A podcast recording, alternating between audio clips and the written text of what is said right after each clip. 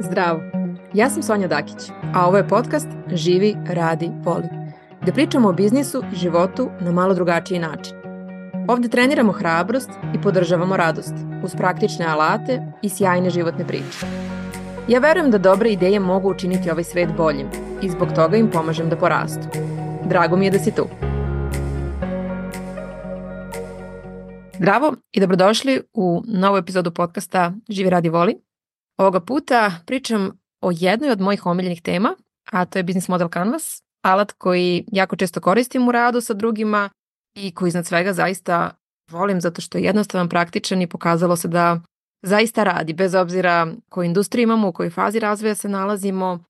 To je nešto što ja već godinama najviše možda polje na kome najviše radim jeste upravo to pronalaženje sistema i strategija koje će raditi za sve. Zbog toga moj mentorski program nije niširan, nije izdvojen za jednu grupu korisnika koji imaju određeni tip biznisa, već više za razvojnu fazu u kojoj se oni nalaze. E, danas vam pričam o Business Model Canvasu, jer upravo je u toku kampanja za mentorski program dostupan besplatni online trening koji sam snimila, traje nekih sat vremena, podeljen je onako u četiri pitka dela, može se lepo ispratiti u jednom danu ili tokom 3-4 dana kako smo ga ranije i radili. I ako želiš možeš se u opisu ove epizode prijaviti i ispratiti Trening kreće u četvrtak 25. januara, trajaće četvrtak, petak, subotu, nedelju. Naravno možeš i ako prođe neki dan, možeš se prijaviti do nedelje faktički da vidiš sva četiri videa, ostaće dostupni materijali nekoliko dana. A ako ovu epizodu slušaš kasnije, možda tokom godine, ako prijava nije više aktuelna, pošalji mi mail slobodno i ja ću ti dati pristup tome. Ono što je meni super i zašto sam ovu temu izdvojila, zato što mislim da svakome stvarno može da bude korisna, može da bude jako praktična, da da vidimo uopšte šta sve ta naša ideja obuhvata ili taj naš hobi koji želimo da pretvorimo u biznis ili možda biznis koji već radimo godinu ili dve, ali nismo zadovoljni sa rezultatima. Ono što ja volim i kako ja kada radim sa nekim jedan na jedan ili na prvoj konsultaciji, ovo je uvek korak odakle polazimo. I dosta toga će imati elemente mog predavanja sa Ludus konferencije 2023. godine, gde je baš naslov moje prezentacije bio biznis imaš, a biznis model nemaš i ako smo se, ako ste me slušali tada, onda ćete neke stvari možda sad utvrditi, a za vas kojima je novo, nadam se će vam biti i korisno. Šta se meni najčešće dešava proteklih godina ove, kada radim sa ljudima ili kada mi se javljaju na društvenim mrežama, pitaju me da li ja mogu da im pomognem da izrade biznis plan i onda ja pokušam da im objasnim koja je u stvari razlika između biznis plana i uopšte postavljanja tog biznis modela i zašto po meni prvo treba da postavimo biznis model, znači da znamo kakav biznis želimo da imamo, šta tačno želimo da radimo, a onda da iz njega izvučemo biznis plan. Znači šta je, šta je neka ključna razlika između biznis modela i biznis plana? Biznis model je nešto što istražujemo i prilagođavamo kroz vreme i to upravo znači i važno je da znamo da to nije jedna stvar koju ćemo sada odrediti i tako će biti za uvek, nego baš tako sa nekim periodima na godinu dana ili više ili manje, zavisno kakva je industrija, kakav je biznis, šta se dešava, mi ćemo istraživati i prilagođavati svoj način rada. Znači kao što je pandemija u martu 2020. promenila mnoge biznise, znači niko od nas to nije planirao, prosto su spoljne okolnosti uticale na to da neki koji su mogli se prilagode, neki potpuno prestanu nažalost da rade, a neki se okrenu možda nekim drugim uslugama i proizvodima, ali to je ta modifikacija, znači to je ta prilagođavanje i spoljnim i unutrašnjim promenama koje proživljavamo. I zato je biznis model nešto čemu se uvek vraćamo s vremena na vreme. Znači ne moramo to raditi na nedeljnom ili mesečnom nivou, ali moja sugestija kada ga prvi put radimo jeste da ga postavimo na neki okvir od godinu dana gde želimo da bude naš biznis za godinu dana, a onda da ga kvartalno proveravamo, naravno testiramo jer sve vreme radimo i gledamo šta smo dobro postavili, a šta menjamo. Jednom kada odredimo svoj biznis model i kažemo ok, ja ću da radim to, sa tom ciljnom grupom na taj način, onda mi možemo zapravo mnogo jasnije dobiti biznis plan odatle gde ćemo imati konkretne korike koje ćemo onda pratiti i realizovati. Biznis plan nam obično treba kada konkurišemo negde za neka sredstva. Znači ako želite da uzmete kredit u banci, ako želite da budete deo nekog programa kao, kao što sam ja sa Daj Daj sa dosta programa, da kažem, učestvovala, Ali onda o, nemate jedan univerzalan biznis plan, on ima neke glavne elemente koji se ponavljaju, ali obično svaki program, svaka banka, svaka neka institucija sa kojom komunicirate ima neki svoj obrazac koji popunjavate. Kod nekih je to više onako deskriptivno, više su neke neka pitanja na koje odgovarate ili neki formular koji popunjavate, a neki koji su, koji vam možda nude veću sumu novca, grantove, pozajmice, subvencije, oni će imati naravno i važan aspekt tog finansijskog dela i budžeta. Tako da u zavisnosti od toga jako je bitno da znate zašta vam treba biznis plan i ja ću podeliti sa vama moje iskustvo kad sam ga ja za Daj Daj radila i on jeste jedan dobar dokument da imate, da mu se vratite. Ali ono što je moje iskustvo, zašto je biznis model po meni bolje da ga radimo na početku, prvo zato što možemo mnogo brže da ga uradimo i drugo zato što taj proces nam zapravo otvara i donosi nove ideje, uvide i jasnoću na što se u kojoj fazi fokusiramo. Tako da ne znam da li ste ikada pisali biznis plan, ljudi sa kojima sam ja radila, za većinu nas je to uglavnom bilo dosta frustrirajuće iskustvo, trajalo je mnogo duže nego što smo mi želeli, I na kraju, baš zbog tog emotivnog putovanja tokom nastajanja tog biznis plana, često se finalnom dokumentu koji sadrži nekada 20, 30, 50 strana, nikada više ne vratimo jer nam je bila tolika frustracija. A u njemu zapravo ima korisnih stvari i dobro je da mu se vratimo s vremena na vreme i da vidimo neke stvari koje smo pretpostavljali da li su se desili ili ne. Ja sam svoj prvi plan za Daj Daj pisala 2010. godine kada sam bila u programu British Council Srbije, imala sam moju dragu prijateljicu Ivanu iz Centra za unapređenje životne sredine, ona mi je bila mentorka i onda smo mi kao naš dodatni rad jedan na jedan fokusirale se da zaista napravimo taj biznis plan po tom, tim smernicama koje smo dobile i taj biznis plan smo mi posle iskoristila upravo za dobijanje kredita kod Erste banke, što jeste bilo sjajno. Ali taj proces za mene jeste bio pun frustracije, jer puno toga nisam znala i nekako sam se osjećala, osjećala sam da, sam, da ne znam dovoljno, da sam glupa, da sam nesposobna. Zećem se da smo mi tada u finansijskom delu računali taj break-even point ili tačku rentabilnosti našeg biznisa i pošto smo imali više proizvoda, onda je to ispala neka formula sa razlomcima i nekim čudnim koeficijentima i mene tu zaista glava zabolela. Tako da mislim da odatle negdje iz tog iskustva ja crpim zapravo inspiraciju da pronalazim jednostavnije načine i da danas mnogo lakše možemo da izračunamo tu tačku rentabilnosti. Naravno, postoje više formula i načina, ali ja volim oni koji je meni prosto jednostavan i lako dostupan Ali svakako, znači, ako ste imali nekada iskustvo pisanja biznis plana, super je da ga imate, super je da imate taj dokument i jeste bitno da mu se vratite. Isto tako je dobro da učimo, ok, šta je to što velike kompanije koriste preko 15 godina ovaj, u svim programima u kojima sam ja i kao gost mentor bila, upravo se biznis model Canvas koristi da bi u okviru jedne radionice, jedne konsultacije mogli da sagledamo šta je sve taj biznis, jer pisanje biznis plana zaista zahteva mnogo više vremena. Biznis model Canvas je nešto što možete da popunite zavisno od toga koliko poznate svoj biznis i da li ga radite prvi put ili ne znam koji po redu. Možete da ga popunite zaista za pola sata ili za maksimum po meni dva sata ako se ne razmaštate previše i to je super. Naravno možete mu se vraćati i preporuka njega jeste da ga popunite, da popunjavate na post-it papirićima debelim flomasterom, tako da ne možete puno toga da napišete. Obično je meni moji učesnici u programu prvu verziju koju mi pošaljena bude puna teksta, I onda mi zapravo radimo na tome da ih sve vreme to pojednostavljujemo, pročišćavamo, izbacujemo nepotrebne stvari, tako da na kraju zaista dobijete jedan svedeni model i primer kako to treba da izgleda. Šta je ono što, što je meni ključna vrednost, što je sve na jednom papiru? Znači što vi zaista svih tih devet ključnih elemenata biznisa vidite na jednom papiru i onda možete da shvatate kako su oni međusobno povezani kao jedna velika puzla što je jedna od ilustracija biznis model Canvasa u knjizi gde shvatamo da ako promenimo nešto na polju naših klijenata, znači ciljne grupe koje se obraćamo, da onda možemo da nadograđujemo na polju kanala, kako gradimo taj odnos sa njima i kako se to onda možda prenosi i na sve ostale segmente i takođe kada sagledavamo recimo resurse, aktivnosti, pošto je to neki od poslednjih polja koje popunjavamo, kako sva prethodna polja koje smo popunili zapravo nam daju jasniju sliku šta tačno treba da uradimo i koji resursi su nam neophodni.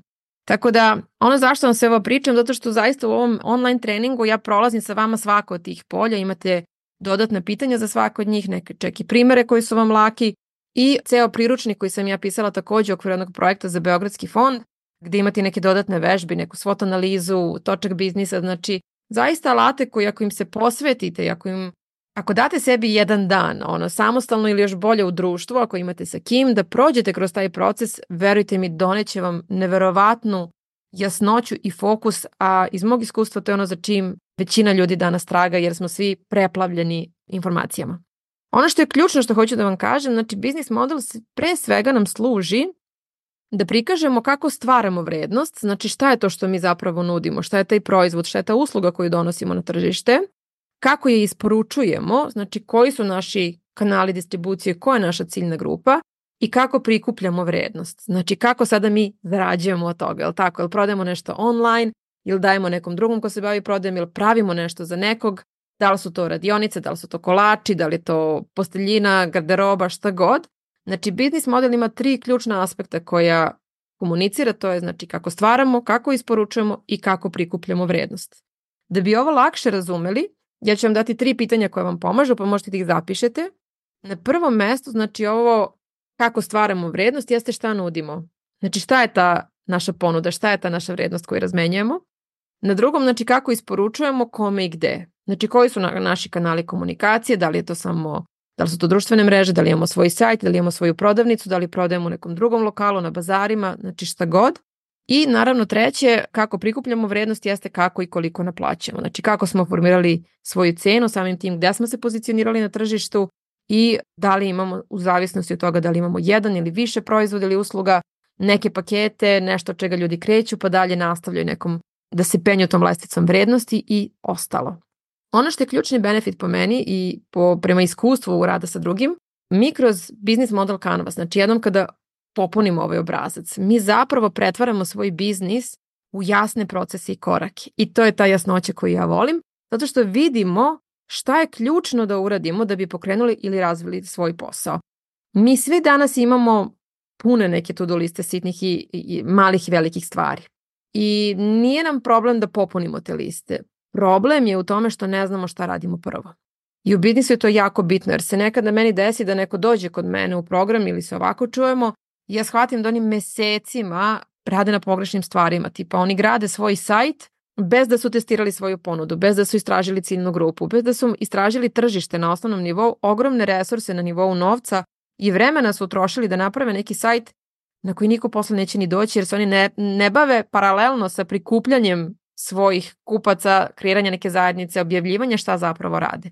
Jednom sam razgovarala sa nekom ženom koja je pravila kozmetiku, ja sam mi pitala pa dobro, jesi išla na ove bazare, noćne markete da vidiš kako ljudi reaguju, kakve su cene, šta drugi rade, nekla, pa evo, planirala sam da idem na ovaj bazar sada, ne znam, na, bilo je samo malo i nešto, ali ovi nemam kese. Pa kažem, ili moguće da zbog toga što nemaš kese ti ne ideš na bazar da vidiš. Znači, to je sad jedna druga priča o nekom strahu, unutrašnjem i svem ostalom. Ja sam rekla, ako ti trebaju kese, evo imaš Beorol kod plavog mosta, ovaj, kod njih možda deš da kupiš 50 komada kesa, kakvih god ti treba nebrendiranih. Znači, nemojte koristiti te izgovore da sebe sabotirate, nego zaista ono što je najvažnije, mnogo važnije od toga, ja razumem da vi želite da imate vaše kese, da vaš proizvod bude najlepše upakovan, ali ono što je mnogo bitnije da znate jeste da li će ga neko kupiti. Tako da pre nego što uložite u ne znam kakvu ambalažu i u ne znam kakve kese sa ne znam kakvim, kakvom štampom, mnogo je važnije da znate da će neko da kupi taj vaš proizvod i možda to prvo pakovanje neće biti savršeno, ali dajte sebi priliku da uopšte izađete i da vidite kako to izgleda. Tako da ono što je nama bitno da znamo šta je ključno da uradimo u kojoj fazi. Ono što je isto jako korisno, zašto koristimo business model Canvas i o tome ću pričati u drugom segmentu radionica koji ću držati uživo, to je kako testiramo zapravo ideju i kada sagledamo svih devet polja Canvasa, znači onaj desni deo koji se bavi našom ponudom, kupcima, kanalima, zapravo tu testiramo da li postoji zaista potreba. Znači da li postoji tržište za ono što mi nudimo i da li je to tržište dovoljno veliko. Sa leve strane kanvasa gde mapiramo naše partnere, aktivnosti, ključne resurse, gledamo koliko je izvodljivo, znači koliko zaista mi imamo resursa koji su nam potrebni i šta je sve potrebno da uradimo u smislu da li imamo neke partnere koji su nam neophodni, šta je ključno na nivou aktivnosti resursa ovaj, da se desi. To ću vam i kroz neki ovaj praktičan primjer objasniti. I na kraju naravno temelj svakog kanvasa jeste ovaj deo sa prihodima i rashodima koji zapravo testira samu održivost biznisa u smislu koliko novca mi treba da zaradimo da bi taj biznis bio održiv, da bi mogo dalje da raste, da li naši prihodi pokrivaju troškove i koliko ovaj biznis zaista može da bude velik, koliko želimo da ga, da popularno reč, skaliramo, misleći pre svega na da li će to nešto biti lokalno, da li je to globalno, znači ako imate neku pekaru, na primjer, onda se vi obraćate samo ljudima koji žive u vašem kraju ili koji su možda spremni da se voze malo više zbog neke ekskluzivne ponude koju imate. Ili ako imate nešto što prodajete online, onda je vaše tržište, jel tako, mnogo šire od toga. Evo sad na primjeru jedne poznate kompanije, svetske, mogu da vam predstavim deo toga da razumete i to je jedan od primjera koji često pominjem, to je kompanija IKEA. Pretpostavljam da se imaju nešto od IKEA, jel tako, u svom domu. Ove, ono što možda ne znate jeste da IKEA krenula sa radom 1943. godine 20. veka naravno. I njihov osnovni koncept sa kojim su izašli na tržište bio je da ponude dizajniran nameštaj po pristupačnoj ceni. Znači nešto malo drugačije po pitanju dizajna tog svedenog, ali da bude nešto što ljudima zaista pristupačno jer su od starta išli na masovno tržište. Ono što su krenuli, krenuli su kao klasičan salon nameštaja gde vi dođete, vidite trosed, dvosed, sto, stolicu, trpezarijski sto i jel tako birate po izgledu. I onda su vremenom shvatili posle par godina da time ne uspevaju dovoljno da se izdvoje na tržištu i da treba da razmisle malo drugačijem konceptu. 56. godine, znači desetak, 13 godina kasnije, dolaze na ideju da ponude nameštaj u delovima, znači gde će korisnici kupci samostalno montirati sve to što kupe i to je ono gde zaista oni malte ne menjaju samu industriju u koju su ušli sa potpuno drugačijim biznis modelom što niko pre njih nije radio. Ono što njima to direktno donosi jesu smanjeni troškovi transporta, zato što tako spakova nameštaj mnogo više komada može da stane, jel tako, u jedan kamion. Smanjene troškove montaže, znači da ne moraju oni sve to da montiraju, jel tako, nego to rade sami kupci. I naravno prostor u magacinu koji je mnogo manji kada imate sve sklopljeno nego kad imate trosed na trosedu. Ono što oni danas zaista ove, imaju jeste ogromno globalno tržište, neverovatan broj prodavnica, prometa i svega ostalog, upravo zato što godinama su jedan od najvećih inovatora zapravo u svojoj industriji. E sad, kad pogledamo njihov business canvas, business model, u centru njega, znači kada gledamo okay, šta je njihova ponuda, oni nude pristupačan, modern nameštaj. To je ono po čemu ih mi prepoznajemo, zašto idemo kod njih, zašto mladi studenti, ne znam, svoj prvi stan tamo opremaju, zato što mogu da dobiju jedan komplet otprilike za kuhinju šerpi i svaga ostalog sitnih stvari za vrlo pristupačne pari, oni imaju tačno te spakovane, da kažem, ponude za specifičnu ciljnu grupu. Ono što je njihova ciljna grupa, to je masovno tržište. Znači oni nemaju isprofilisano zato što kada idete na masovno tržište, onda imate za svaki segment, znači oni mogu da odvoje, ne znam, studente, pa za njih da ponude jeftinije stvari, pa onda ponude, ne znam, za roditelje sa decom, za one koji imaju male stanove, za oni koji žele, ne znam, svoje vikendice. I na osnovu toga mi se negde na neki način grupišemo kao njihovi korisnici, ali je primarno njihovo masovno tržište i zato je njihova komunikacija tome prilagođena. Njihov ključan kanal prodaje i distribucije su naravno njihove radnje, znači njihove proizvode ne možete naći u drugim radnjama.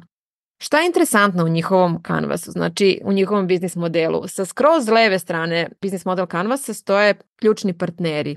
Ono što su oni od prvog dana znali i jako sjajno odredili jeste da njihovi ključni partneri su zapravo kupci koji su spremni da sklapaju svoj nameštaj.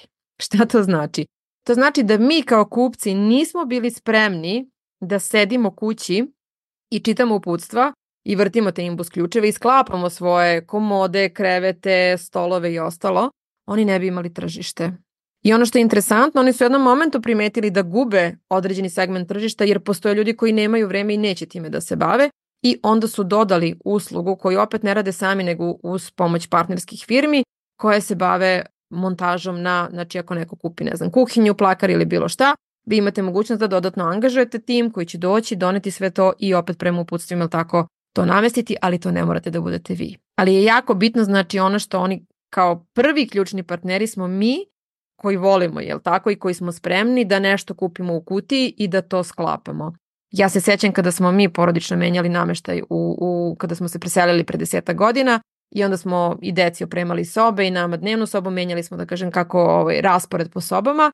Veći deo toga je došao iz IKEA ili nekih drugih sličnih radnji. Mi smo bukvalno mesec dana, ja i suprug, znači ja i srđan smo ono svako jutro ustajali, uzimali šraf ciger i krenuli da radimo. Znači to jeste jedan ogroman luksuz vremena, da kažem, koji smo uložili u to. Za nas je to bila jedna interesantna aktivnost, ali je trajala i potpuno je normalno da neki ljudi nemaju vremena za to i da su za to spremni ekstra da plate.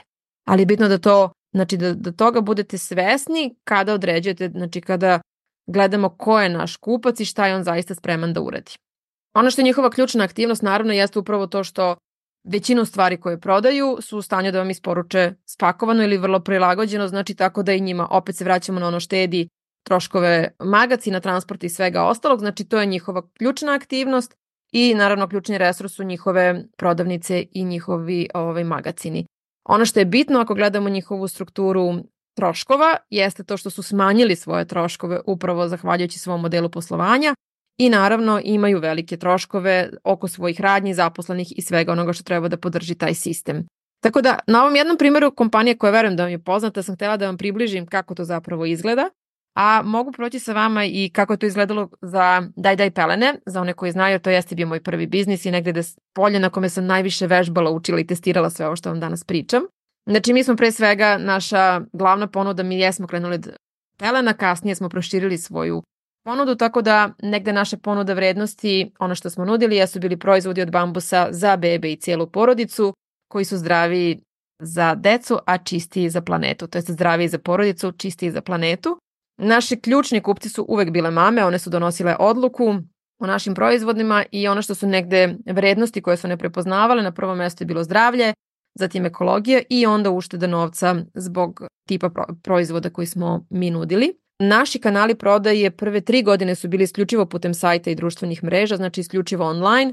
Tek kasnije smo izašli onako u javnost putem sajmova, nekih događaja i kasnije naravno ušli u distributivnu mrežu e, robnih kuća AXA i DM-a i to je bilo možda negde posle 3,5-4 godine. U kontekstu izgradnje odnosa sa klijentima, to je nešto gde smo dosta insistirali na ličnom kontaktu, imali smo toliko kupaca prvih godina da smo ih sve malte ne lično poznavali i volili smo negde da, da znamo i njihovu ličnu priču, da se na taj način povezujemo. Imali smo puno klijenata koji su se vraćali kada dobiju drugo, treće dete, preporuče nekom, tako da to je za nas bilo negde jako vredno.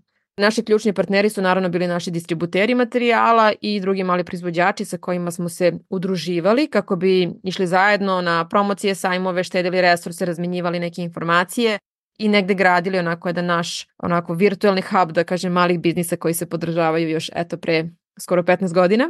Ključne aktivnosti su nam bili naravno proizvodnja, imali smo svoju proizvodnju, edukacija kupaca, što je normalno kad imate neki novi inovativni proizvod i naravno stalna promocija jer smo stalno trebali nove klijente ove, zbog tipa proizvoda.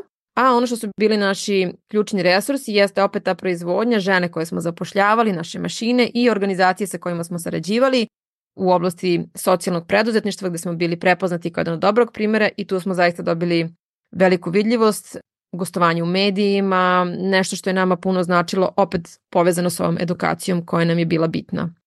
Kod e, prihoda, ono što mi je bitno da kažem, znači rekla sam da u startu smo prodavali sve online i to je bio 100% da kažem izvor naših prihoda. Kasnije kako se priča razvijala, kada smo razvili i malo prodaju, nama je 50% prihoda i dalje dolazilo direktno putem online, a 50 kroz Aksu i DM i to nam je bilo važno ne samo što je nama zarada bila veća kroz online prodaje, već zato što smo tu imali veću kontrolu i brži cash flow, znači brže nam je novac svakodnevno dolazio nego na odloženo kroz njihove fakture, tako da je to nešto što ja uvijek isto savjetujem sličnim modelima, znači da ovaj, ono što kažu ne stavljate sva jaja u jednu korpu, čak i ako imate online, ako krenete od njega pa se prebacite na neki drugi model, zadržite online jer je on neka vaša ipak sigurnost i drugo to je prostor gde uvek imate direktnu komunikaciju sa kupcem što je po meni jako bitno za, za mali biznis. Tako da eto te neke ideje. Kako to recimo danas izgleda u mom novom biznisu po proteklih eto 7-8 godina, znači od 2017. Ono što je moja ključna vrednost čime se ja bavim danas jeste edukacija u oblasti preduzetništva. To radim najviše kroz svoje mentorski mastermind program, ali takođe i kroz neke radionice i saradnje sa drugim organizacijama i mentorskim programima.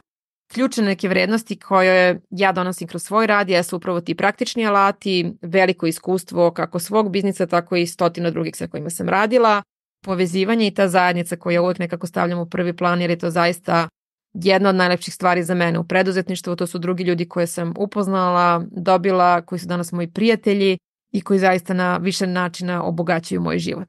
Moja ciljna grupa su naravno pojedinci koji žele da pokrenu svoj posao, oni koji već rade, znači koji su već krenuli sa poslom prvi dve, tri godine i sada im treba jedna bolja struktura upravo da odredimo bolji model rada za njih i naravno organizacije sa kojima sarađujem kanale kroz koje recimo ja komuniciram sa drugima jeste to su društvene mreže, mailovi koje redovno šaljem, radionice, preporuke i svašta nešto ili tako što možete naći od mog besplatnog sadržaja.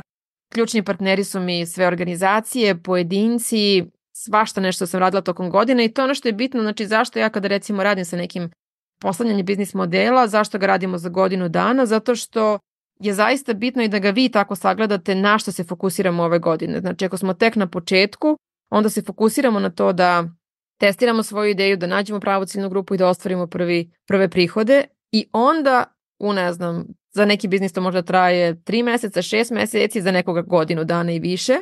tek onda mi gledamo kako to možemo da uvećamo, znači kako možemo da do većeg broja ljudi, ali nam je bitno da vidimo kako do ovih prvih deset da dođemo, ili tako pa onda iz toga da rastemo. Tako da sve te neke informacije, ono što bih volila ključno da razmislite, bez obzira u kojoj ste fazi, jeste šta je to što vi nudite, kome i gde tačno i kako i koliko naplaćujete, koliko ste zadovoljni sa svojim rezultatima i koliko ste do sada vremena posvetili da zaista jasno sebi pre svega predstavite čime se vi zapravo bavite. Znači šta je to što vi svojim klijentima nudite, kakvu to vrednost isporučujete, po čemu se negde razlikujete, jer moramo da budemo svesni da društvene mreže jesu donale jedan ogroman novi prostor za promociju malih biznisa, ali isto tako svedoci smo poslednjih godina da je toga sve više i više. Znači sve više je tih ljudi koji izlaze i pokušavaju nešto svoje, ne znači da će svi uspeti, ali naše je znači da se zaista naoružamo alatima i strategijama koji će nam pomoći i business model Canvas je nešto što koriste kompanije kao što su Google, Airbnb, Netflix, možete naći njihove biznis modele, znači ukucate na Google bukvalno Netflix, business model Canvas, možete naći njihov prikaz biznis modela, tako da i to može da bude interesantno, posebno ako imate nekog uzora u vašoj ili u nekoj drugoj industriji, da vidite kako oni razmišljaju i da vidite koliko su jednostavno, znači zaista sa par reči, što nije lako i do toga se dolazi vremenom, uspeli da iskomuniciraju šta oni zapravo rade. Tako da razmislite i vi u kontekstu toga ako želite da se prijavite za besplatan trening, sad je pravi trenutak. Upis na moj mentorski program je otvoren do 15. marta i do tad sam zaista isplanirala puno korisnog sadržaja. Obično moje kolege onako imaju jednu neku stvar, pa kao jedan webinar pa njega ponavljaju ili jedno nešto. Ja sam za ovu godinu isplanirala znači, ovaj online trening da vam otvorim koji je tu već i ranije smo ga radili sa nekim dodatnim materijalima. Čak će biti malo iznenađenja. Zatim tri online radionice uživo koji ću držati sa vama, koji ću isto najaviti kada za to dođe vreme i na kraju pristup jednoj lekciji mog programa za koju mislim da je zaista vredna, tako da biće puno vrednog sadržaja u naredna dva meseca. Moj savjet je da zaista budete tu, ispratite sve to i da imate na umu ako stvarno imate tu ideju koja vam ne da mira, da to jeste jedan potencijal, ali potencijal kao što nekom može gledati, ne znam, horoskop ili bilo šta i reći da vi imate nešto, jel tako? Ovaj, to ne znači da će on samo od sebe biti ostvaren. Jako je bitno šta mi sa tim na kraju dana uradimo. Tako da ako imate ideju koja vam ne da mira, za početak možda je idealno da prođete ovaj online trening, a onda ako imate bilo kakvo pitanje, bit će mi drago da, da se javite i da o tome možda i popričamo što da ne u okviru podcasta ili nekom drugom formatu. Tako da prijavite se na linku u opisu profila. Ako se ne snađete gde i šta kako, pišite mi slobodno na Instagramu, pišite mi na mail. Biće mi drago da vam pošaljem link i, i onda se vidimo na nekom od radionica. Eto, uživajte do sledeće epizode. Hvala ti na slušanju. Ako znaš nekoga kome bi ova epizoda dobro došla, prosledi link slobodno. Neka to bude tvoje dobro delo za danas. Ako želiš više da znaš o tome šta ja radim i kako možemo raditi zajedno, poseti moj sajt na adresi www.sonjadakić.com. Na mom Instagram i YouTube kanalu možeš pronaći puno besplatnog sadržaja, a ako imaš neko pitanje koje želiš da prođem u narednoj epizodi ili imaš tu ideju koja ti ne da mira, piši mi. Do sledećeg slušanja želim ti više hrabrosti i radosti u svakom danu.